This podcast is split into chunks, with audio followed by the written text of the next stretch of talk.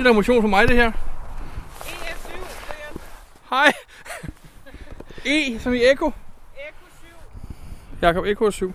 Okay. Hvad, hvad laver du, Brian? Jeg vil skrive E lige med 7 i min telefon her. Hvad lavede du før, du gjorde det? Jeg har fundet en natur øh, motionsbane her, hvor jeg kan stå og holde balancen. Det kan jeg faktisk godt finde ud af med min dårlige hånd. Hvor, øh, hvor, er vi blevet, hvor er vi henne? Vi er tæt på Ølsted, øh, også kendt som byen, hvor der er lige en, der har vundet 114 millioner i lotto. Og hvad skal vi her? Vi er i gang med øh, Sheilas sporhunden, eller hedder hun sporhunden Sheilas øh, DGP-cash. Det er rigtigt. Og hvordan går det med den? Jamen, vi er vel nået til en cirka halvvejs, tror jeg. Cool. Hvor mange har vi så fundet i dag af de her DGP-kasser? Vi startede med A.M. Hansen i Slangerup, så tog vi Stykker, så tog vi Isabella Molly og Ismo. Så tog vi lige en afstikker til sidst og fandt nogle gamle kasser. Og Blandt så, andet View of the Cat. ja, og Coco Box. Mhm. Og så tog vi Hundested. Timerkur. Timakur, ja. Og nu er vi så i gang med sporhunden Sheila. Præcis. Sådan. Og øh, vi har faktisk øh, Lotte og Nina med. Milo og Hattenate.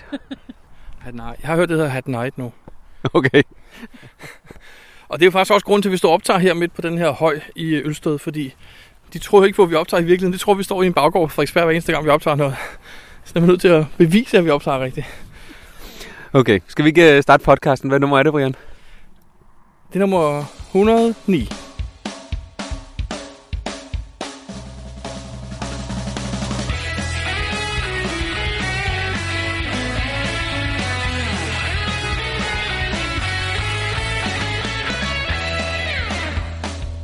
lytter til GeoPodcast, din kilde for alt om geocaching på dansk. Husk at besøge vores hjemmeside, www.geopodcast.dk for links og andet godt.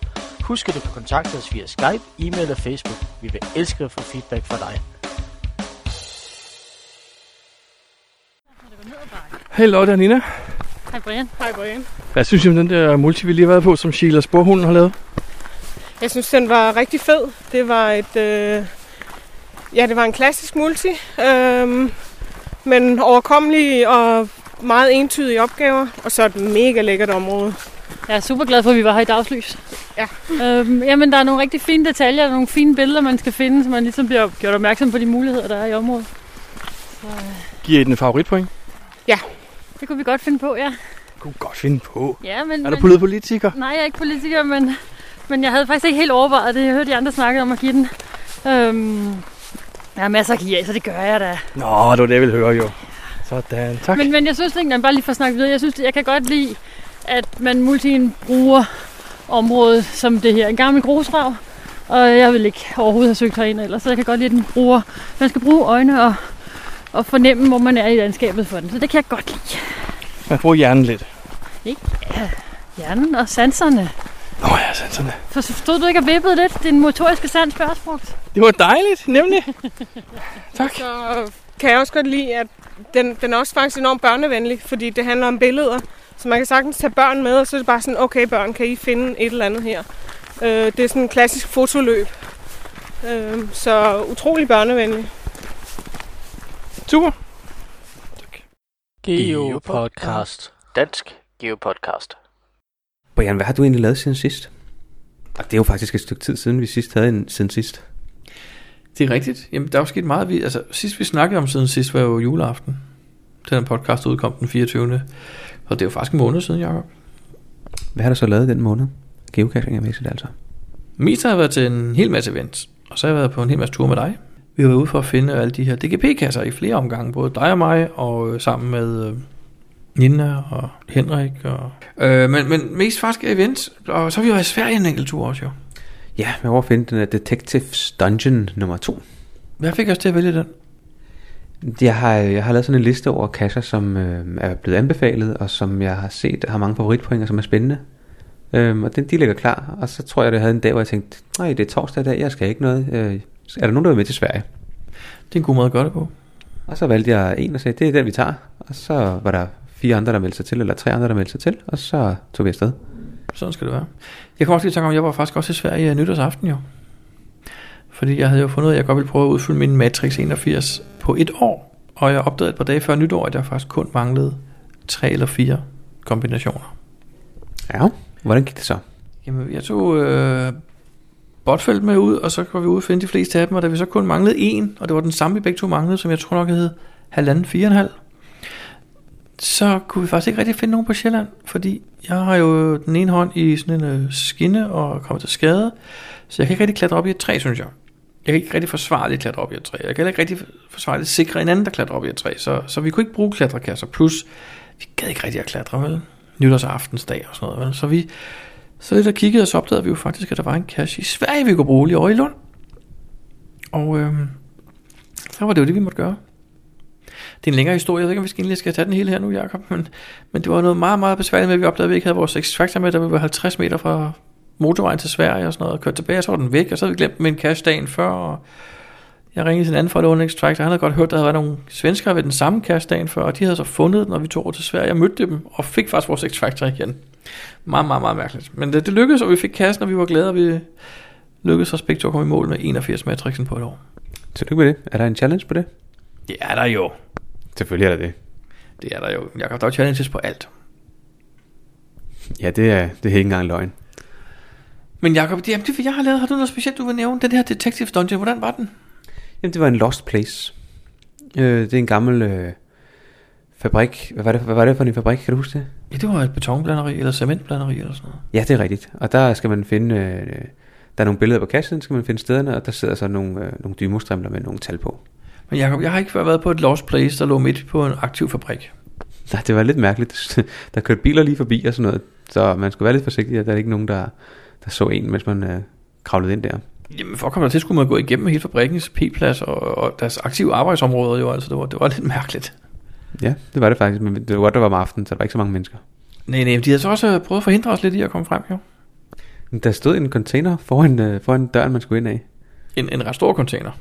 Ja, men øh, der faktisk, fandt vi ud af efterfølgende, der er faktisk en bagindgang også. Jo, jo, men det var ikke der, man skulle ind. Man skulle ind gennem dobbeltdøren, stod der, og der var altså placeret en stor, stor container foran. Heldigvis var den tom. Ja, vi vidste, vi var jo stærke, vi kunne skubbe den væk. Ja, netop. Så vi kom ind. Det var faktisk ret spændende. Vi kan anbefale den, Jacob, eller hvad siger du? Kan vi anbefale den? Ja, i den grad. Den var, den var, den var en fed uh, Lost Place Cash. Ja. Øh, men hvad ellers har du fundet, som skal fremhæves? Altså, jeg har jo været til et øh, Hillerødernes årsafslutningsevent. Mm-hmm. Og hvor der igen blev frigivet en masse spændende kasser. Der er blevet frigivet en serie, der hedder Ramachan-serien. Den kan anbefales øh, til børn. Det er nogle lidt sjove kasser. Der er lidt forskelligt. Der er både en multi og en letterbox. Og, så jo, den var, den var god. Og så var der også nogle natkasser, vi, øh, vi tog på et par stykker af dem, tror jeg. Så der ligger nogen, der jeg har til gode til, til en anden gang. Jeg har været til hele rådets årsafslutning før, og det plejer at være rigtig hyggeligt, men jeg var den dag blevet inviteret ind at se øh, nogle talegaver hos nogle børn. Og det er der, som hedder noget andet nu. Comedy 8. Lige præcis, comedy. Det var faktisk også ganske sjovt, men, men det er noget helt andet. Til gengæld har vi været ude og finde en, øh, en anden øh, spændende cache. Øh, den hedder Where I Go Teamwork. Mm, nå, synes du, den var god? Ja, det synes jeg faktisk. Hvad synes du om den, Brian? Jamen, øh, det, det hedder som sagt Where I Go Teamwork. Jeg synes ikke, vi skal nævne, hvem der har lavet den, fordi det, han vil godt være anonym, er jeg sikker på. Eller, jeg vil ikke hænge nogen ud, så jeg siger ikke, hvem, jeg siger ikke, jeg siger ikke noget andet, end jeg synes bare, det var en lortekasse. Okay. Jeg synes faktisk, den var god. At den var, jeg, jeg kan godt lide ideen med, at man faktisk øh, skal, være, øh, skal lave noget teamwork, medmindre man kan virkelig hacke sig ud af det.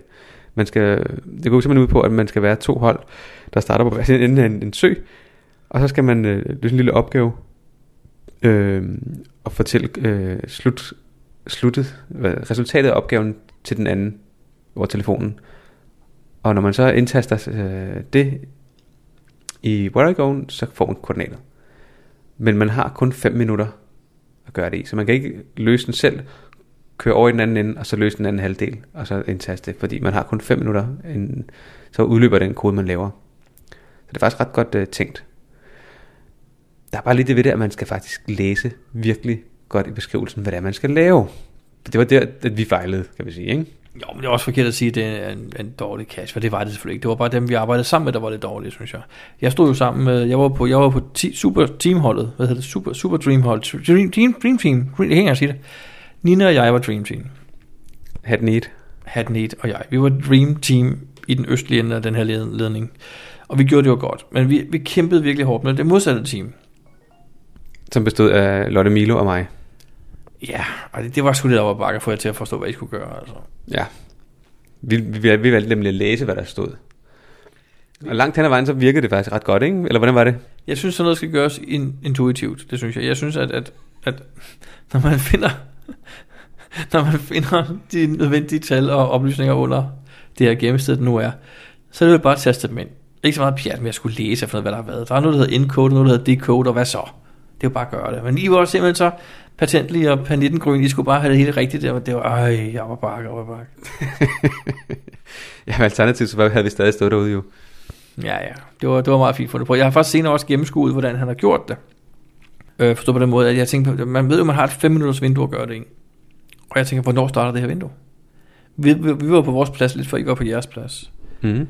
Øh, og, og ved, er det sådan, at vi går ind i zonen, at vores tid begynder at tælle? Fordi så kan vi faktisk have været der 5 minutter før jer, og så kan vi ikke nå at gøre det samtidig på noget tidspunkt. Altså, vi var sådan lidt, vi var, ja, vi var lidt nervøse, at vi stod derude, fordi vi også vidste, at vi var Dream Team, I var Loser Team. Um, men jeg har gennemskuddet det senere. Fortæl. Der er som var indbygget en tidskode i den kode, man får. Og så de to koder sammenligner den og siger, at der må ikke være mere end 5 minutter imellem de her to tidskoder. Koder. Ah, smart. Så jeg tror ikke, det er et fast defineret vindue, du har. Den ser bare tidskoderne og regner dem ud. Okay. Er det ikke, lyder det ikke rigtigt? Det lyder rigtigt. Og hvis ikke det er, så kan det jo være, at uh, cash han kan uh, ringe ind eller skrive ind og fortælle, hvordan det hænger sammen. Jeg synes, det var ret godt lavet faktisk. Den får også et favoritpoint for mig, når jeg engang logger den. Hvis jeg ikke har logget den, har jeg logget den. Det kan jeg ikke huske. Jeg holder ikke helt så meget øje med dig. Apropos at holde øje, Jacob. Ja, fortæl, Brian. Det var da en god overgang, du lige fik lavet der. Kender du den, der hedder Watch GeoFriends? Nej, det gør jeg ikke. Fortæl. Det er en lille app, øhm, som du installerer på din øh, smarte telefon. Og så kan du se, hvad dine geovenner laver. Okay. Øhm, altså sådan over det hele, eller bare geocaching-mæssigt? Mest geocaching-mæssigt, ikke? Altså du skal definere eller taste nogle, nogle brugernavne ind. Og så vil den, øh, hvis den kører baggrund, så vil den hver anden time poppe op og sige, hey, nu har Jakob logget to nye kasser, og Milo har logget tre nye kasser, og Botfeldt 100 som vanligt ikke lavet noget, eller hvad det nu er, ikke? Mhm. Øh, men den er faktisk, der fandt jo engang en, der hed GC Watch, som var sådan lidt stalkeragtig, og den her, den er bare gange 10 stalkeragtig. okay. Hvad kan den mere fortælle? Jamen, den kan fortælle, hvad alle dem, du har valgt at definere som venner, hvad de går og laver hele tiden. Men derudover så har den også, øh, den er gratis at installere, men, men for en lille mere pris, så kan du faktisk også få at vide, hvad for nogle events, de havde tænkt sig at gå til. Så kan du møde op og stalke dem direkte in real life. Live stalking. Live stalking, ja.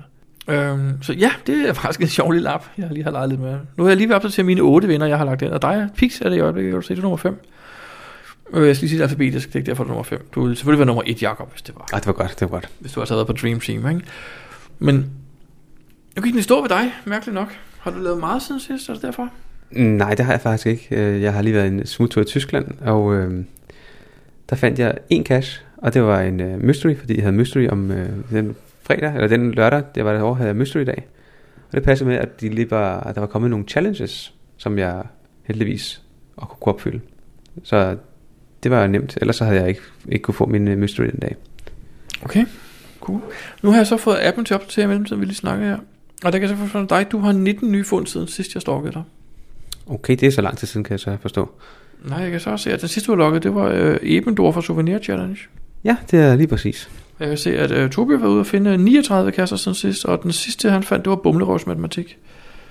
Og så videre kan man faktisk se på alle mulige, man har valgt at definere som venner, hvad de går og laver. Hat Need har fundet 15, og Lula har fundet 53, og Milo har kun fundet 6. Okay. Det er jo øh, det er lidt vildt det her. Er lidt smart faktisk. Og så, når du så trykker på en af brugerne, nu trykker jeg så på Milo, så går jeg simpelthen retriever listen over, hvad de har lavet. Den kommer her. Der kommer alle deres logs. Simpelthen. Det sidste, de har lavet, det var det døde universitet. Og så har de logget Challenge Danmarks kasser, og så har de logget New Ring, og så har de logget Blåstrødbanden, og så videre. Og de, alle deres logs ligger der lige til at læse, og det hele, det er jo ret, øh, er lidt frækt, ikke? Det er sådan ret meget, øh, ret Big Brother og meget stalking synes jeg. Ja, Men det er jo, altså, det er jo data, der ligger frit tilgængeligt på geocaching.com, øh, så, så der er ikke rigtig noget, øh, noget nyt i det, andet end det bare er samlet på en, øh, på en overskuelig måde, sådan en rigtig stalker måde, en stalker-app faktisk. lige præcis.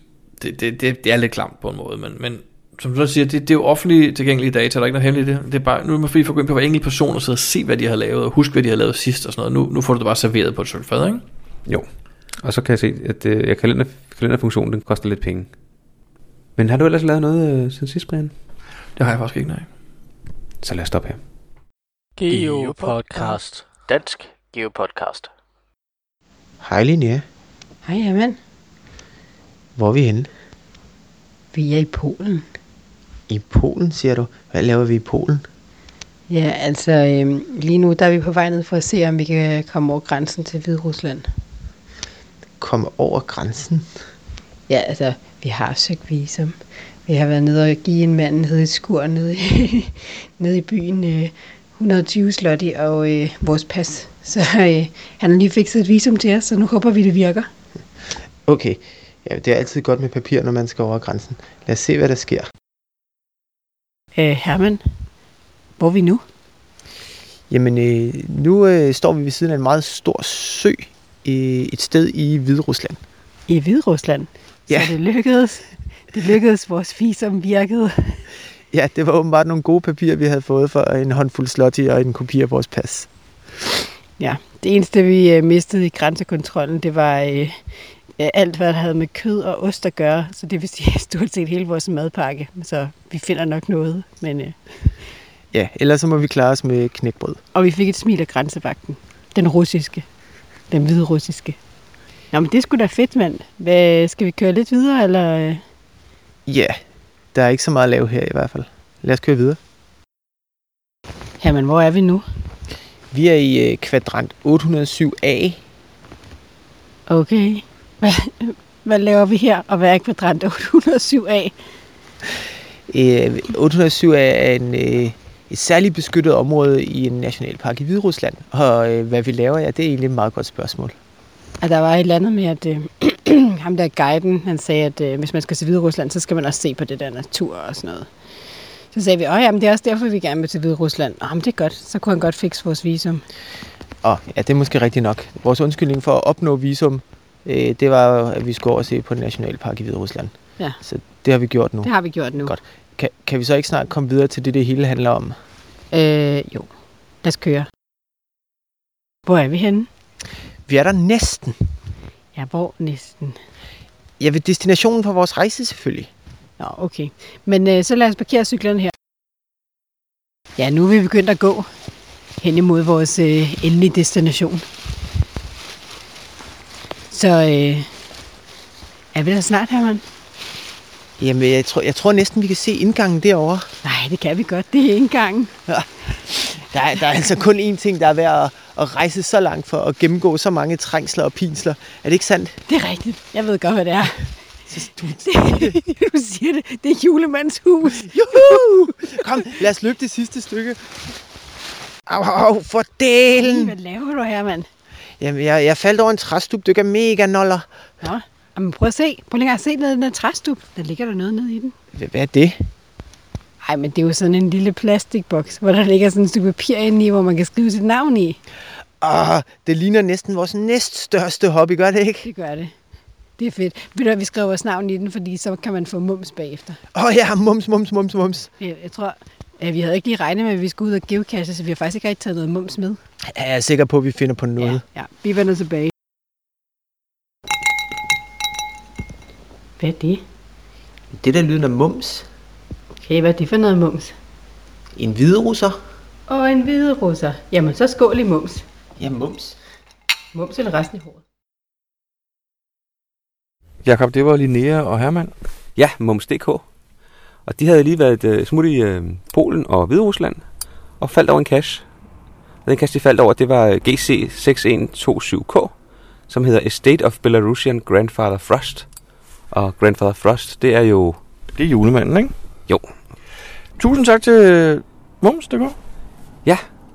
Og det... Øh, jeg tror ikke, man bare lige kunne få sådan et... Øh, sådan et visum til, øh, til Hviderusland. Så vidt jeg husker, så er 20 slotte, det er 40 kroner. Det er jo vanvittigt billigt. Jeg tror, 120, var det ikke? Nej, jeg synes, du sagde 20. Nå, okay. Vi må lytte den igen. Øh, men det, det er jo land, vi mangler, Jacob. Det er det. Men øhm, vi var jo, vi var jo, vi kørte jo forbi Hviderusland på vej øh, til de baltiske lande dengang. Ja, dengang vi kørte Østersøen rundt, Ja. ja. der kom vi forbi, men vi havde ikke rigtig tænkt på at få et visum. Nej, det havde vi ikke. Der var heller ikke så mange kasser derinde. Men det er jo lige meget, nu skal vi jo til Rusland i år. Det, det, det, vi satser i hvert fald på det, men lad os nu prøve at se, om vi når det. Der er jo så mange andre ting, vi også kan nå, ikke? Åh oh, ja, det er rigtigt. Men øh, vi skal sige tak til Mums.dk. Yes, kom endelig med flere. Geopodcast. Dansk Geopodcast. Nå, Brian, øh, for et par gange siden, der snakkede vi om en, øh, en GPS, du havde mistet. Ja, ja. Du griner?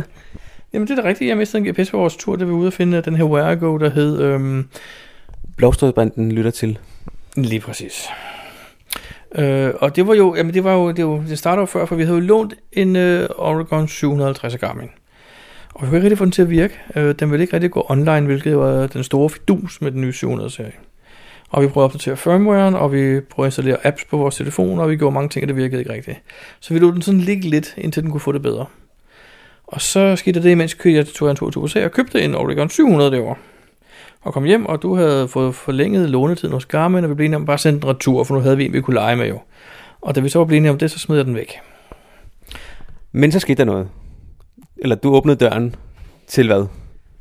Til min hukommelse? Nej. Øh, men der sk- det, hvorfor skal vi snakke om det?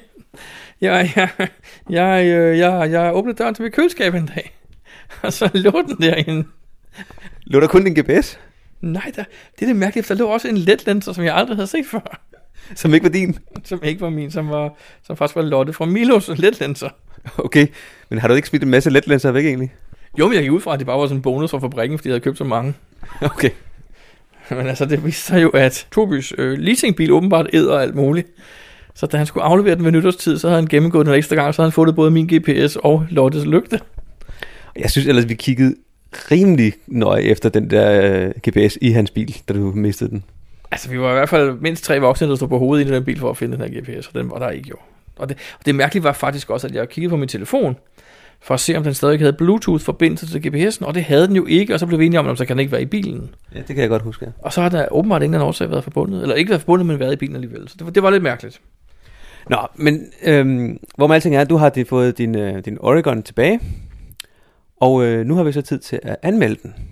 Jamen, det var et dejligt gensyn. Den var lidt kold lige der, jeg fik den, men det var, det var faktisk rigtig rart at få den igen. Jeg skal så lige sige tak til Henrik, der gad at finde den og aflevere den tilbage, men jeg skal måske også sige tak til hans medsamsvorene, der pludselig skulle hjem og besøge mig og lægge den i mit køleskab.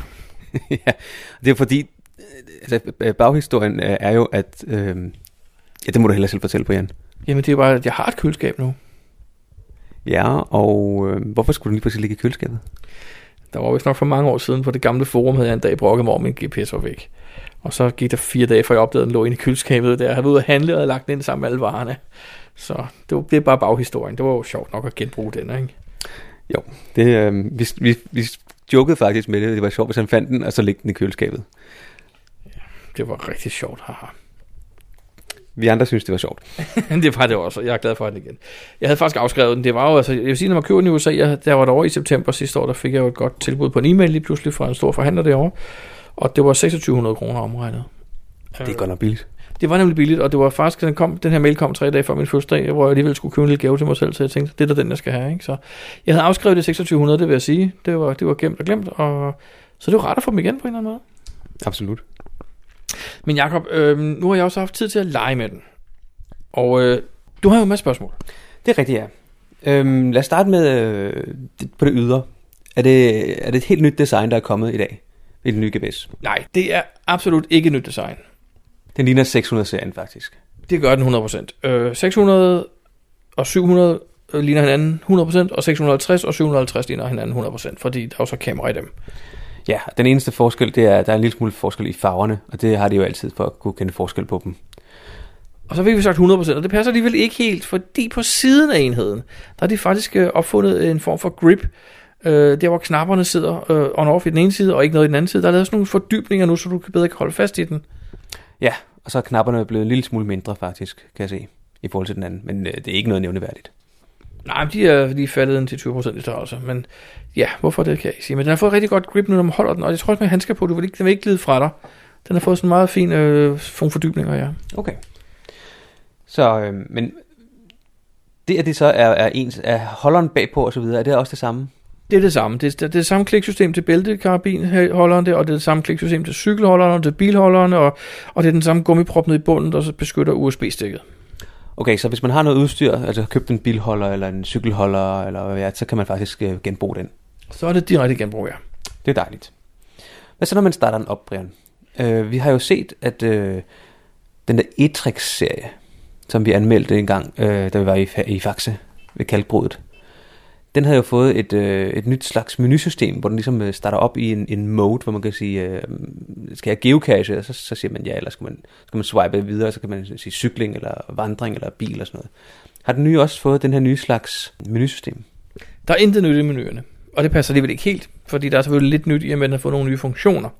Men man genkender det straks, det er det samme, som vi kender, hvis man har haft en øh, Oregon 640. Og jeg vil faktisk også sige, at i 500-serien var det stort set det samme også. Okay, så der er ikke, det, der, det, der nye, det nye system, som havde øh, snedet sig ind i Etrix, det er ikke slået igennem i, i den her. Nej, heldigvis vil jeg næsten sige. Det er det ikke. Okay. Jeg, jeg ved ikke, om det er heldigvis. eller. Jeg, jeg vender mig til den her, så den, men, men det kan da godt være, at den anden faktisk er smartere. Det ved jeg ikke. Det, jeg har aldrig rigtig brugt den. Jeg vil beskrive det andet som simplificeret på en eller anden måde. Ja, det kan være godt og skidt. Ja, lige præcis for mig. vil Jeg, jeg, jeg betragter det som værende lidt skidt. Jeg plejer altid at bruge avancerede brugere, når jeg skal vælge programmer. Jeg vil gerne have alle knapperne og alle mulighederne. Lige præcis. Men nu vi snakker om øh, menuerne, så er der faktisk kommet nogle små ændringer, fordi øh, ikonerne er redesignet. Både øh, menu-ikonerne og, og, og desværre også geocache-ikonerne på kortet. Ja, det er rigtigt. Fordi det er jo, øh, Groundspeak har jo også ændret på deres øh, ikoner på nogle af deres kort, har det ikke det? Fordi i stedet for, at man kan se øh, en, en, en, en, den grønne kasse, så kan man nu se en, en cirkel med noget eller andet inde i. Er det ikke sådan, det var på, i, jeg mener også sådan på, på kortet på geocaching.com? Lige præcis. Det er sådan nu, at multi er en orange cirkel med noget hvidt skrift ind i, øh, og mystery er en blå cirkel med et hvidt spørgsmålstegn ind i. Men så samtidig så er Where I Go også blevet en blå cirkel, og traditionelle er en meget, meget mørkegrøn cirkel, som faktisk ligner lidt den blå. Hvilket godt kan gøre det ret kompliceret til forskel, når man er halvblind, som jeg er. Okay, det vil sige, når man ser kasserne på kortet, så er det faktisk en, en, øh, en, en dårlig ting, at det er kommet med nye ikoner. Det vil jeg sige. Jeg synes i hvert fald ikke, det er nogen forbedring. Øh, det, det gør det meget svært. Specielt, nu sidder vi her i, i dit øh, studie og optager, og, og der synes jeg ikke, der er noget problem. Der er godt lys på enheden lige nu, jeg har skruet helt op for det, men i, normalt, når jeg bruger den, så gør jeg jo det, jeg skruer ned til cirka halv lysstyrke. Og når jeg så samtidig er udenfor i sollys, så kan det altså godt være svært at se forskel på, hvad der er hvad. Okay, det er jo lidt ærgerligt. Men øhm, nye ikoner på kortet, øh, nydesignede ikoner øh, på, i menuerne. Ja, og, og, og så rent teknisk, der har vi jo også lige taget kigge på den. Øh, den er både WAS og EGNOS, ligesom øh, den forrige model også havde. Okay, men der er et ikon, som jeg faktisk har lagt mærke til, som har ændret sig rigtig meget. Ja, Det er der geocaching-ikonet. Det er ikke en skattekiste mere.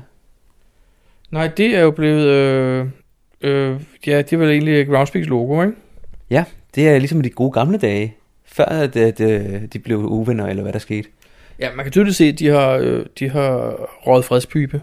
Det har de. Der, de er blevet gode venner igen. Logoet er på her, og ved ny casherne har de rigtige, rigtige ikoner. De nye ikoner osv.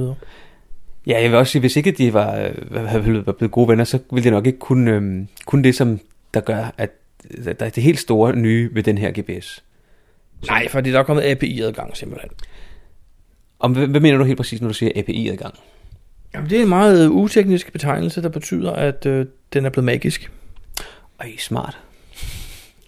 Jamen, det, det den har. Grunden til, at man skal skifte fra sin 600-serie til en 700-serie, og det skal man, det synes jeg faktisk. Jeg har været meget glad for den allerede. Eller jeg er meget glad for den allerede, nok den rigtige sætning. Er to omgange der? Af to omgange, jeg har genfundet glæden ved den. Jamen, det er jo, at den er blevet online. På den måde forstået, at du kan nu øh, forbinde den til din mobiltelefon eller anden øh, netværk, enten med wifi eller bluetooth. Og øh, hvis man gør det med wifi, så er det ganske som at koble en ting på nettet. Du går ind og finder wifi-punktet, skriver password og sådan på. Og så kan du derefter begynde at søge efter kasser. Du kan, øh, du, du kan gøre en masse ting. Du, du kan parre den med din profil, så den automatisk viser, hvilke kasser du har fundet også. Øh, der, der er rigtig mange smarte funktioner. Men det bruger en del strøm. Wi-Fi på denne her enhed bruger strøm, og Wi-Fi-deling på din telefon bruger strøm. Så man, man bliver ret hurtigt træt af, at efter to timer, så er der ikke mere strøm på nogen af enhederne. Ja, det er lidt ærgerligt. Men hvad så? Men så er der den mulighed, der hedder Bluetooth, hvor du simpelthen forbinder, forbinder GPS'en via Bluetooth til din telefon. Øh, Bluetooth tethering kalder man det også. Og det er den samme måde at dele data på egentlig, men, men for at det skal fungere optimalt, så installerer man en app på sin telefon først. Øh, fra Garmin, der hedder Garmin Connect. Og den sørger så for at tage hånd om de her ting med data. For det, det er datadelingen, og den bruger næsten ingen strøm. Både på telefon og, og GPS, eller hvordan?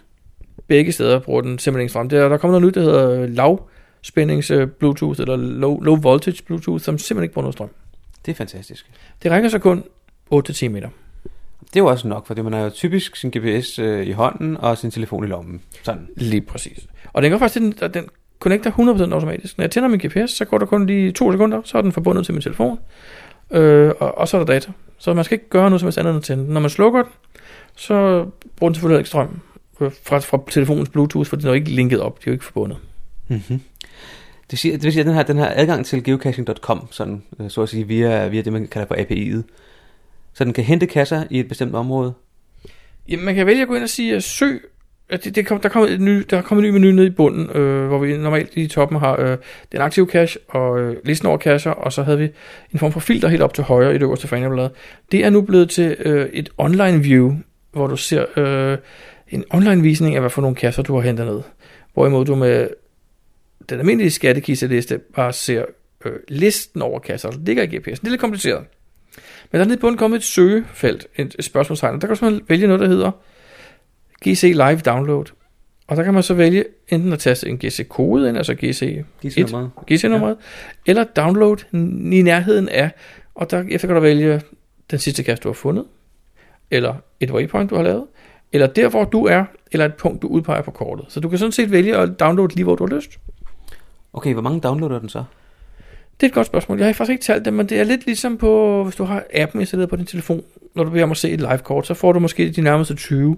Og når så du beder den om at fortsætte, så tager den de næste 20. Og på den måde kan du bede den om at gøre det igen og igen og igen, og så får du flere og flere på kortet. Det er meget smart, og jeg tror faktisk også, det er det, at øh, jeg fandt ud af sammen med, øh, med Milo sidst, at det var omkring 20 stykker, man hentede hver gang. Ja, jeg mener også, det er cirka 20, jeg kan se. Okay, det er smart. Når du så har fundet en cache, så har man jo altid på GPS'en kunne, kunne logge den ved at trykke log, og så kunne man skrive en lille note, som så blev lagt i den der øh, geocache visits fil, som en field note, du så kunne hente ud på din computer, og så skrive nogle logs, eller logge online på, på geocaching.com efterfølgende. Hvad er mulighederne nu, hvor, det er, hvor den har mulighed for at gå live, eller gå online? Ja, det, det er det samme. Du kan stadig gøre de samme ting, men hvis du ikke lige er opmærksom, når du får den nye 700-serie her, så logger den faktisk for dig online med det samme. Okay, så den er små med, med, med, med en meget kort lille forkortelse, man eventuelt kan skrive, og så bare lige et par, et par stikord, og så bare trykke, så trykke gennem. Det skal man passe på med. Jeg gjorde faktisk bare det, jeg trykkede øh, log forsøg, som jeg plejer at gøre, og så fundet og udført. Og andet gjorde jeg ikke, indtil jeg kom hjem og så, at jeg havde logget tre kasser. Uden noget tekst i? Uden tekst, men den er så smart, den indsætter selv et tekst, fordi Groundspeak godkender jo ikke en log uden tekst. Så den skriver ned i bunden, denne log er sendt fra en Oregon 700. Ej, lidt reklame også. Det var det eneste, der stod i min log, det hvilket er lidt pinligt, ikke? Jo. Men det viser bare, at man har fået en ny GPS, så. lige præcis. Og det gør det altså desværre som standard, vil jeg sige. Så der skal man lige være opmærksom. Men kan man så slå det fra for, per gang, eller kan man generelt slå fra, at den ikke logger online med det samme? Jeg har været slå det fra online. Jeg fandt øh, så det leden stedet, hvor man slår det fra. Ja, det er sådan en ja-nej-knap. Øh, log online straks, tror jeg den hedder, og så ja eller nej. Okay, så hvis man vælger nej, så laver den bare den der geocache visits fil, som øh, man er vant til. Det gør den faktisk alligevel. Okay, den gør den uanset hvad, men, men, men den logger dem online, hvis man har sat den til at logge online. Lige præcis. Okay. Kan den nogle andre ting, når den nu er online, den her GPS? Kan den hente kort ned, mens du er live fra Google eller sådan noget smart? Det har jeg ikke fået den til endnu. Jeg, jeg tror, det kommer faktisk, fordi det vil være oplagt, eller måske ikke engang fra Google, men jeg skal lidt fra OpenStreetMap måske. Ja, eller Garmin's egne kort. De har jo også nogle kort, kan man sige. Ikke? Jo, men de koster jo. Jo, men øh, nu betaler du også øh, rimelig mange penge for GPS'en, ikke? Jo, men det vil de gerne stadig sælge til mig, har jeg lagt mærke til. Okay. Men den, den kan nogle andre små sjove ting online. Den kan for eksempel... Øh, Igennem den her Garmin Connect app, der kan du definere, hvilke beskeder fra telefonen du ønsker at få over. Så du kan faktisk få den til at vise dine sms'er på skærmen og dine e-mails på skærmen. Så man kan simpelthen se beskederne, der kommer direkte på GPS'en. Så hvis du er ude i regnvejr, så kan du gemme telefonen væk et tørt sted, og så alligevel få dine beskeder på den enhed, du har i hånden. Det er smart. Er der andre ting, den kan online? Ja, den har faktisk en vejrfunktion, øh, som jeg på den vi lånte fra Garmin, så jeg rodet lidt med det, og så havde jeg glemt alt om det, indtil han dag kom til at glide ned fra toppen af min skærm med fingeren, sådan stille og roligt. Øh, og nu prøver jeg at demonstrere det, der var det. Så kommer der nogle gange et vejr frem, og som du kan se, nu er det der faktisk ikke igen.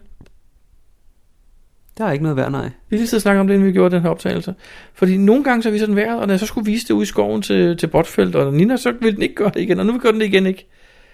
Nu fik vi lige, øh, fandt vi faktisk lige ud af, at øh, du har lagt telefonen lidt for langt væk, og det var derfor, der ikke var data på den. Ja, vi lægger telefonen væk, når vi optager, fordi den har lidt tendens til at... Selvom de er på lydløs, så kan det godt forstyrre optagelsen med de her øh, databrum, med hvad kalder vi dem, interferens... Øh, Ja, det er der, det ja, sædvanlige larme, der er. Ja. Men, men jeg kan se, nu, nu viser den faktisk vejret. Ja, den siger lige nu, at der er 0 øh, grader, og en luftfugtighed på 0, og en vind fra sydlig retning på 6 sekundmeter. Og så er der også et par øh, små skyer. Og når du er klikker på den, skyer. så kan jeg se, så får du sådan et, øh, et satellitkort frem. Det er ret fancy. Jamen det gør jeg faktisk. Øh, jeg ved bare ikke, om det her kort er baseret på det kort, jeg har lagt i i forvejen. Det må det næsten være, tænker jeg. Jeg tænker, at baggrundskortet ikke er et, jeg får serveret. Det er et, som, øh, som den bruger, og så tilføjer den bare hver dataen ovenover. Ja, men jeg tror, den lagde det som et lag henover, hvor den så øh, man kunne se skyerne. Ja. Nu kan jeg ikke se dem igen. Øh, øh, jeg ved ikke lige hvorfor. Måske er der ikke nogen skyer udenfor. Der kommer alle kasserne til gengæld så. Det er jo ikke så brugbart. Men, men den har i hvert fald nogle vejrfunktioner, øh, som virker ret, øh, ret fornuftige. Den har så også et schema, hvor man kan se, at her klokken, lad os bare afslutte, vi sidder og optager en aften, at her klokken 22 vil der være 0 grader, og klokken 23 vil der være 0 grader, og klokken midnat vil der være 0 grader. Enten så virker det ikke. Jo, fordi hvis du kigger på i morgen, der ændrer temperaturen sig. Det er rigtigt. Fredag så siger den 2 grader, og lørdag 2 grader, og søndag 3 grader. Og Så natten mellem lørdag og søndag siger den minus 1. Så den har faktisk nogle, øh, nogle oplysninger. Det er jo da, det er jo da meget fancy, faktisk. Ja, det, det, det, det tegner godt. Det er selvfølgelig nyt. Det skal lige tilpasses. Der kommer nok en update. Og apropos update. Da jeg fik den tilbage fra mit køleskab, der tændte jeg jo selvfølgelig for den i stor glæde. Og noget af det første, den skrev på min skærm, det var, der er en ny opdatering tilgængelig. Ligesom man kender fra en mobiltelefon. Så man behøver ikke at slutte den til sin computer mere for at opdatere den. Man skal ikke ind i den her Garmin Garage, eller hvad det er, den hedder, for at finde opdateringerne. Den gør det simpelthen selv online. Det er smart. Så var det bare et valgmulighed. Vil du installere den nu, eller vil du vente? Og jeg valgte så at installere, for der var masser af strøm på den dag. Det er ret smart. Det er okay, det må jeg sige. Hvordan er så øh, GPS-præcisionen på sådan en? Jeg har kun oplevet den som god, vil jeg sige. Øh, men jeg, jeg har oplevet noget, jeg ikke synes, jeg har set før, men det sker jo tit, når man får en ny GPS, at man føler, at den er lidt anderledes. Men jeg føler, at den er mere følsom over for, at jeg rejser. Forstået på den måde, at når jeg, hvis jeg er derhjemme og laver den her dans, du ved, hvor man prøver at kalibrere kompasset, øh, tre gange i alle retninger og det her, så, så øh, hvis jeg gør det om morgenen, så er den som regel rimelig præcis resten af dagen. Men der var en dag, vi tog til Hillerød og kastede, og der opdagede jeg bare den afstand fra Glostrup til Hillerød, snakker vi 50 km, 40 km. Det var nok til, at den var sådan meget off, synes jeg igen. Altså antal meter? Ja, både meter og retningen, den peger, og sådan pilen på kompasset var lidt skæv og sådan noget. Så lavede jeg en ny kalibrering, og så var den god igen. Det er sjovt, fordi altså selve afstanden til punktet burde jo ikke have noget med kalibrering at gøre jo. Det har du egentlig ret i. Det er mere retningen, ikke? Jo, altså øh, kalibrering, øh, det, det man kalibrerer, det er det elektroniske kompas inde i GPS'en. Er det det magnetiske? Ja, man kan, ikke, man kan ikke kalibrere en GPS, altså selve GPS-enheden kan ikke kalibreres. Nej, nej, men der er også et magnetisk kompas i. Det er det, jeg tænker på, at vi kalibrerer. Jo, men det er det, som det hedder, det, er magn- det, det man kalder det for det elektroniske kompas. Okay, så. Fair nok. Øhm, men jo, det, der, det, det kalibrerer man. Og øh, det elektroniske kompas, det bliver brugt i det øjeblik, du faktisk ikke bevæger dig. Det er nemlig rigtigt. Så er det, at, at, at den bruger det elektroniske til at vise, hvad, hvad retning man, øh, man skal gå i. Fordi i det øjeblik, man bevæger sig, så bruger den øh, afstanden, eller bruger den, position, den tidligere position og den nuværende position til at, øh, til at fortælle, hvad, hvor retning du skal køre i. Rigtigt. Du har helt ret. Men i hvert fald oplever jeg bare, at, at hvor jeg min gamle 600-serie kunne jeg kalibrere den, når jeg huskede det sådan en gang om måneden eller sådan noget. Og så, så var den rimelig præcis altid. Og her oplever jeg bare, at den ret hurtigt bliver sådan upræcis, eller mm, fanger den falske nordpol eller et eller andet, jeg ved ikke, hvad det er. Okay. Nu siger du en gang om måneden. Jeg tror, jeg, jeg, tror, jeg kalibrerer min to gange i, alle de år, jeg har haft den. Ja, det er jo en typisk begynderfejl. Ja. Jeg, jeg har folk med på tur, som er mere eller mindre nye, så siger jeg også altid til dem, husk altid at starte en god geocache-tur, starter med at kalibrere sin GPS. Okay, det må jeg huske til næste gang. Mm, Du skal også en dag skal nok til med, så skal du nok også få en god geocaching-tur. Åh, oh, det glæder jeg mig til. Sådan er jeg. Um, jeg oplever tit med min GPS, at jeg går mod kassen, og så tæller den der ned. På lidt så rammer den øh, 0, Mm-hmm. så stopper jeg. Det skal du gøre. Og så venter jeg lige øh, til 20 sekunder, og så fortæller den mig, at jeg er gået for langt. Op til 20 meter måske. Ah, okay, det oplever jeg ikke så meget, men jeg ved godt, hvad du mener, fordi den er jo faktisk lidt tid om at udregne, hvor du er hen. Ja, men jeg synes en gang imellem på min 600, at det er sådan, øh, det, er, det er meget, altså det var, det, jeg mindes ikke, det var så slemt, hvis overhovedet på nogle af mine ældre GPS'er, slet ikke min 60'er for eksempel. Hmm, det skal jeg ikke kunne sige. Jeg synes ikke aldrig, jeg har oplevet det som værende så slemt. Jeg ved godt, når den siger 3 meter, så skal jeg stoppe, for så er der i virkeligheden, og så går der et øjeblik, og så skriver den 0. Min er sådan 3 Nice. meter foran mig-agtigt. Okay, den er, den er min, den er mere. Og så var spørgsmålet, er den er blevet bedre? Jeg har ikke lagt mærke til det. Øhm, det, jeg vil sige, det må, det må næsten være det samme, for det er ikke noget, jeg har lagt mærke til. Jeg vil lægge mærke til det, hvis den blevet værre, tror jeg. Okay. Og hvis den er blevet bedre, så har jeg slet ikke, slet ikke lagt mærke til det. Ja, den har jo også de samme øh, GPS-modtag øh, ting i. Jeg ved ikke, om, om chipset og sådan noget er, er en anden, det, det ved jeg faktisk ikke. Men det er jo selvfølgelig også noget softwaremæssigt, at man, man skal ændre på, tror jeg. Ja. Den skal have en hurtigere processor, det har den måske nok fået. Det kan vi jo ikke se nogen steder. Det vil jeg tro, den har. Det er mit bud. At når man laver noget nyt, en ny version, så plejer man at proppe en, en, en opdateret processor i, sådan lidt hurtigere, ikke? Men øh, batterilevetid, Brian. Inden vi, inden vi snakker batterilevetid, så vil jeg lige nævne noget, du siger processor. Den kan nemlig sjovt nok stadigvæk ikke køre på Ergo. Nej. Og det spørgsmålet er, om man, om man overhovedet tænker at gøre det mere, fordi alle har jo en smartphone, og så er det næsten nemmere at bruge en smartphone til det, er det ikke? Det er ligesom, det, det, jeg, jeg tror, det er det samme med Ergo og Waymarking. De er begge to en død til. Whereago er ikke en dødsild. Hvorfor den så ikke med GPS? Jeg tror, det måske er, kræver noget mere at implementere det ordentligt. Og så vælger man at sige, jamen, hvor mange vil øh, bruge det, fordi de fleste har en smartphone, hvor det fungerer udmærket. Jo, men nu, før i tiden, der skulle du downloade det separat og uploade det til en GPS, og det var lidt nørdet, og processoren var ikke helt så kraftig. Nu har du fået en kraftigere processor, du har fået en GPS, der ligger online. Du kunne i virkeligheden bare downloade den direkte til enheden. Ude i marken, det ville være oplagt at købe Ergo på dem her. Ja, men har den her en, øh, en ordentlig lydkort? Altså, den kan, ikke spille, den kan jo spille lyde, men den kan jo ikke spille øh, MP3-filer. Det kan den ikke, den kan sige bip, når jeg tænder den. Ja, der er efterhånden en del uh, Whereagos, hvor man faktisk skal lytte til nogle lydfiler, har jeg fundet ud af. Og det vil man heller ikke kunne med den her. Det er rigtigt nok. Nå, men det var også bare en sidebemærkning. Den har ikke, den har ikke Ergo. Men du spurgte om Batterilevetiden. Ja, yeah, altså, jeg vil sige, at jeg har prøvet forskellige ting, jo, for det der, prøv at købe wifi med den. Øh, hvilket jeg faktisk gjorde meget i USA, da jeg lige havde købt den, fordi der har vi jo sådan et wifi hotspot i bilen. Der koblede den der på, og der så jeg en meget nedsat batterilevetid, vil jeg sige.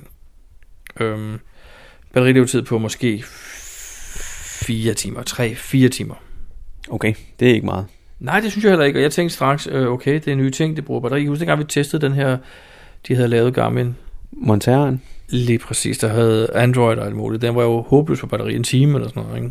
Jo, det var, det var ikke meget. Nej, og jeg tænkte straks, åh oh, nej, er der sådan noget, vi er ude i? Men så var det, jeg fandt ud af at sætte den på Bluetooth via min telefon, som så kørte wifi via bilens hotspot.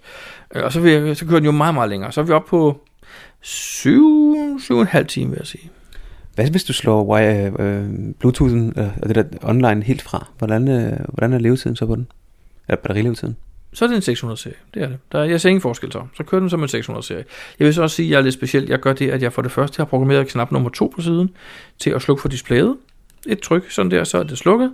Og det gør jeg hver gang, jeg hænger den fremme, eller putter den i lommen, eller har den i min karabin her, fordi så bliver- får den ikke ramt noget ved en fejl, og skifter alle menuerne for mig. Det sparer også rigtig meget på strømmen. Ja, for det skærmen er det, der faktisk bruger mest strøm. Og derudover så kører jeg generelt altid med cirka 50% på lysstyrken på skærmen. Er det for at spare strøm? Det er det faktisk direkte fra at spare strøm. Okay. Hvad med om aftenen? Der kører jeg også 50%.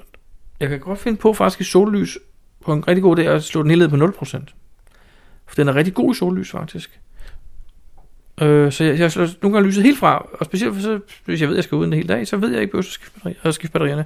Fordi baggrundsbelysning er det, der tager aller, allermest, bortset fra vel selve processoren. Ikke? Ja, jeg vil sige, jeg gør faktisk også det, at jeg skruer ned for lyset, øh, specielt om aftenen, fordi så, så jeg ikke bliver blændet af den.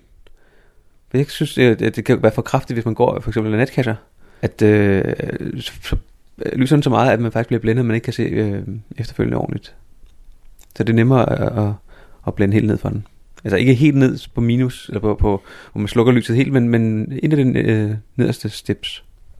Det er rigtigt. Den, den har et meget godt lys, det har den faktisk. Så, men som sagt, jeg kører, jeg kører næsten aldrig med en halv- 50 procent i, ja, i nogle situationer, og så sollys er jeg så helt nede. Jeg, det er så længe siden, jeg er blevet inviteret ud af Netcash, Jacob, så jeg kan ikke huske det. Nå.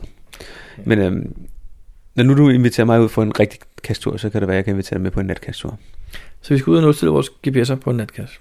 Præcis. Skærmen, er det den samme, eller er den blevet bedre?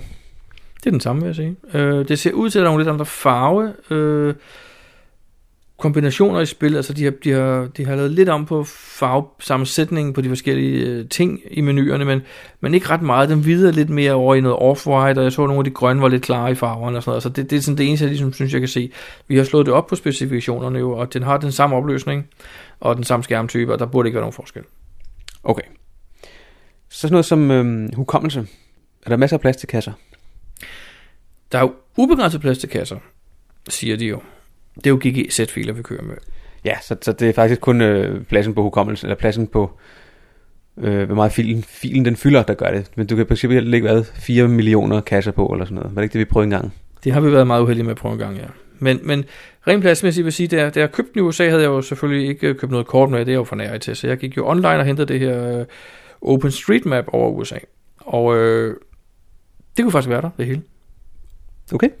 Uden at jeg var nødt til at sætte SD-kort i, hvilket overraskede mig ret meget. Vi har så slået det op nu og kigget, og det viser sig faktisk, at den har 1,7 gigabyte hukommelse ledigt, når man leger med den. Og det er øh, 700-serien. Det vil sige, den har ikke noget kort indbygget eller noget. Så vidt jeg husker, hvis man køber den med Topo-kort i, så er der øh, lidt større hukommelse i, for at det kan være kortet. Men der er så også mere af den, der er brugt til kortet jo. Ja, jeg ved faktisk ikke, hvor meget der er i tilbage, altså hvor meget ledigt der er, det ved jeg faktisk ikke. Men altså, et SD-kort til en 50'er, så har du så meget plads, at du slet ikke har brug for mere. Lige præcis. Hukommelsen, jeg kan sige på 700, der, der er der kommet 0,2 GB mere end i forhold til, til 600, så det er ikke rigtig noget, noget voldsomt. Nej, okay. Vi kigger også på nogle specs i forhold til, øh, hvad, hvad der er plads til. Altså udover kasser, der er det jo ubegrænset. Så har den jo plads til øh, 10.000 waypoints, hvor den gamle har plads til 4.000 waypoints. Og den nye har plads til 250 ruter, hvor den gamle havde 200 ruter. Og endelig så har, øh, så har den nye plads til 20.000 rutepunkter, hvor den gamle havde 10.000 rutepunkter.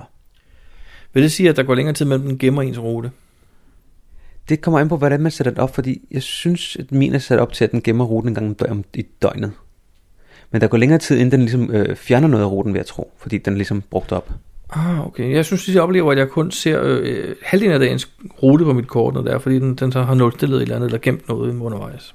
Jamen, der, der er forskellige indstillingsmuligheder for, øh, for det der med rute. Man kan også, øh, så vidt jeg husker, angive, hvor præcis den skal gemme ruten. Altså, hvor ofte skal den, skal den tracke. Hvor, hvor præcis skal ruten være. Og jo, jo mere præcis man sætter den, jo mere strøm bruger den, og jo mere plads bruger den. Okay, smart nok. En anden ting, jeg lige kommer i tanke om, den har faktisk også indbygget øh, noget, der hedder Connect IQ. Hvad er det?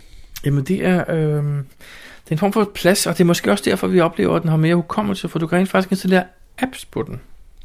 Okay, hvad... øhm, En telefon er vil være rigtig smart, tænkte jeg. Ja, det skal så være til tegnsprog, fordi at der er jo hverken højtaler eller mikrofon i den. Okay. Men øh, de, de har faktisk lavet deres egen App Store, Garmin App Store. Ja. Eller de kalder den apps.garmin.com. Og der kan man så gå ind og søge blandt de apps, der findes. Og til at starte med er der ikke så mange, men jeg vil sige, der findes faktisk nogle, der overraskede mig lidt. Øh, Der var blandt andet noget med, øh, med pulsmåler. Okay. Ja, for du kan jo faktisk købe de her øh, trådløse pulsmålebånd, du kan under tøjet, til når du laver workout. Og så kan den jo forbinde til din GPS, og så kan du følge med på din GPS, hvordan det går med dit workout. Ah, selvfølgelig ja. Men så var der jo andre øh, apps, der virkede ret uinteressante, der kunne lave en statistik over dine højde stigning og, og, og så videre og så videre, når du render rundt ude i naturen. Det var sådan noget, det var ikke noget, der lige tiltalt mig noget af det, vil jeg sige, men det var også et stykke tid siden, jeg kiggede på det, og der er måske kommet noget nyt. Okay, men det der er spændende, at det, man på den måde kan udvide GPS'en, øh, uden at alle skal have det, og øh, uden at det er Garmin, der skal, der skal øh, lave en softwareopdatering lige frem. Nemlig. Den har så selvfølgelig også jo, altså ligesom alle de andre, har den det her VIRP remote, hvor du kan styre de her kameraer fra Garmin også, men det var bare lige en lille sidebemærkning. Okay, har du andet, øh, nu har du jo haft den i et par måneder, har du andet, du vil fortælle om den her øh, GPS? Den er ret god til at dele trådløst, øhm, men det er lidt fordi min tidligere GPS havde problemer med det jo. Når jeg skulle dele trådløst fra den, så skulle de jo røre hinanden GPS'erne. Ja, det var meget mærkeligt. Det var kun din GPS, der havde det problem. Ja, den havde virkelig dårlig rækkevidde. Jeg tror, den kunne nå 4,5 cm eller sådan noget. Er der kommet nogen, ny funktionalitet i det med at dele øh, cacher? De har fjernet en funktionalitet, jeg ikke er helt glad for, de har taget væk. Øh, Hvis jeg skal sende en geocache til dig, så når jeg trykker selv, send, og derefter vælger jeg geocache, så er der ikke nogen søgefunktion mere. Den viser bare den nærmeste. Så hvis man ikke står ved den, så bliver det faktisk lidt svært at begynde at finde den, så kan man bladre og bladre og bladre for at finde den, man ønsker at finde. Og så vidt jeg husker, var der i den tidligere en mulighed for at søge på navn. Når du bare var inde i, i øh, for, for at sende en geocache? Ja, for at sende en geocache. Det lyder som noget, der, der vil gå om i en, øh, i en ny opdatering. Jeg tror, de har glemt at få det med over på en eller anden måde. Ellers nogle ting, du vil øh, nævne? Ja, jeg er glad for den. Jeg har, jeg har haft det svært ved at finde et, øh, et, sådan en Invisible Shield til den. Så jeg fandt faktisk et fra en øh, gammel model af en E-Trix, der var lige passet. Og, og, og det er jeg jo selvfølgelig glad for på.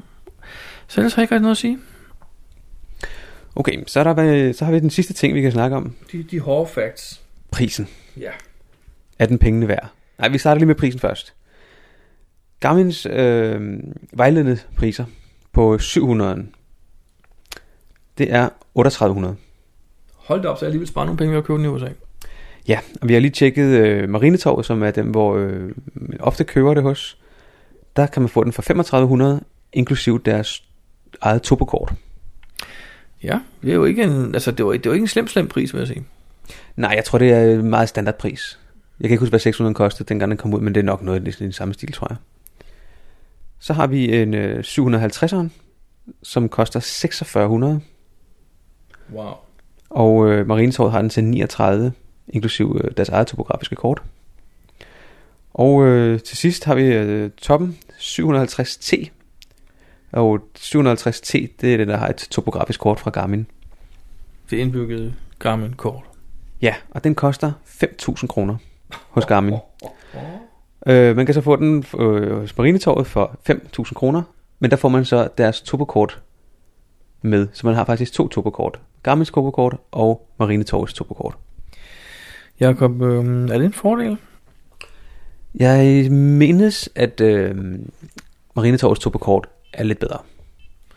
Marinetorvets topokort er formentlig også øh, nok kun over Danmark, ikke?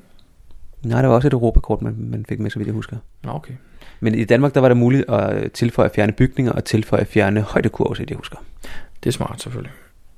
Nu sidder jeg og kigger på de der priser. Altså 5.000 for topmodellen. Jeg har jo en, en øh, eller 4.600 kroner for en 750.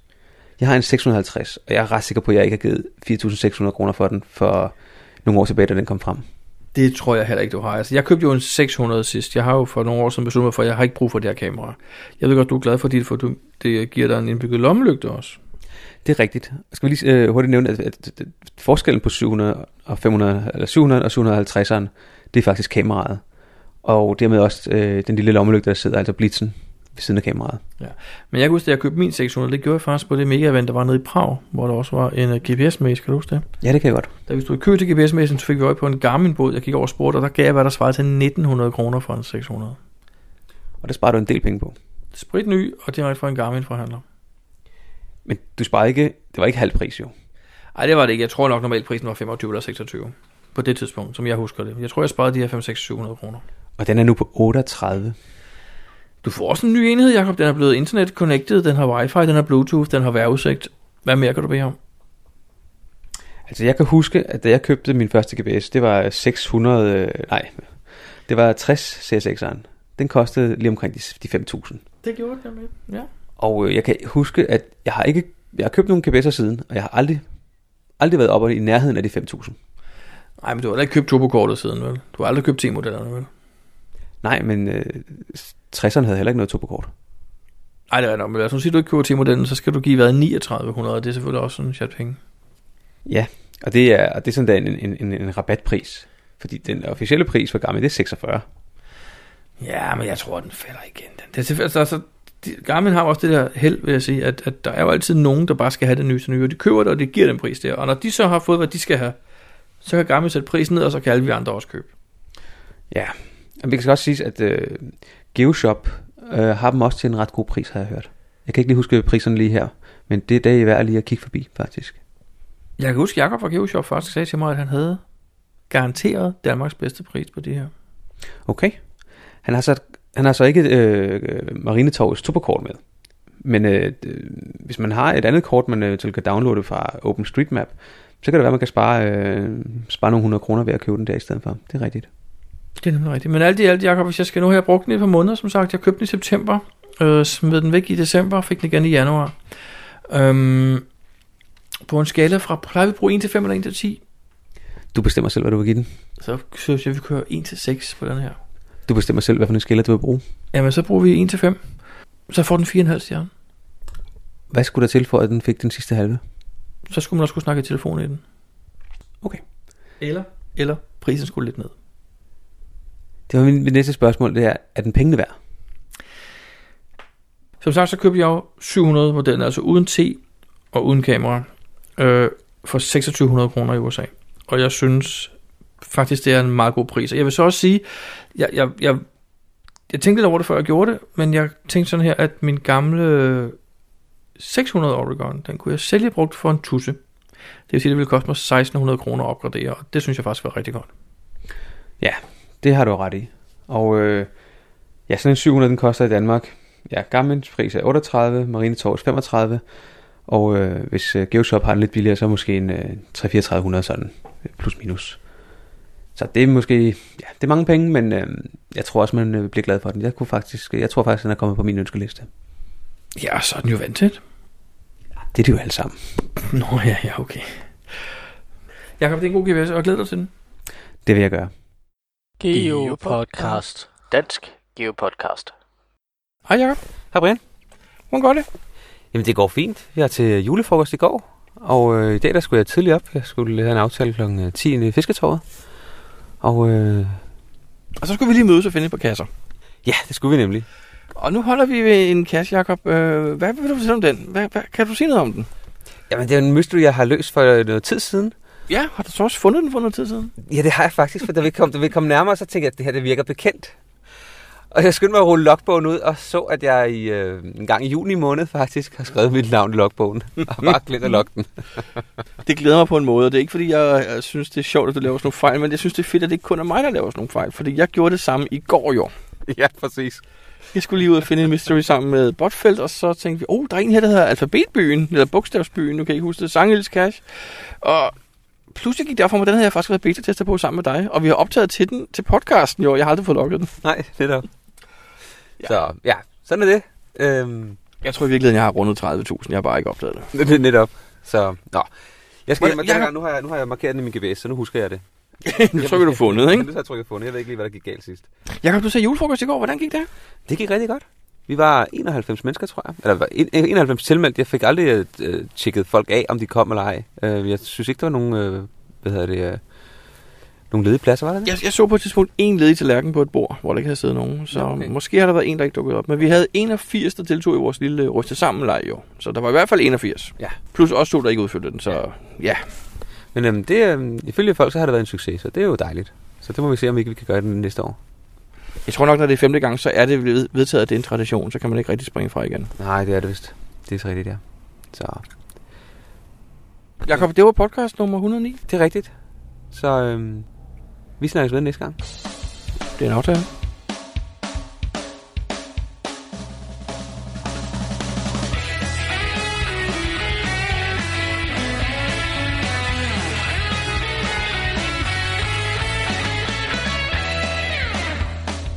Du lytter til GeoPodcast, din kilde for alt om geocaching på dansk. Husk at besøge vores hjemmeside, www.geopodcast.dk for links og andet godt. Husk at du kan kontakte os via Skype, e-mail og Facebook. Vi vil elske at få feedback fra dig.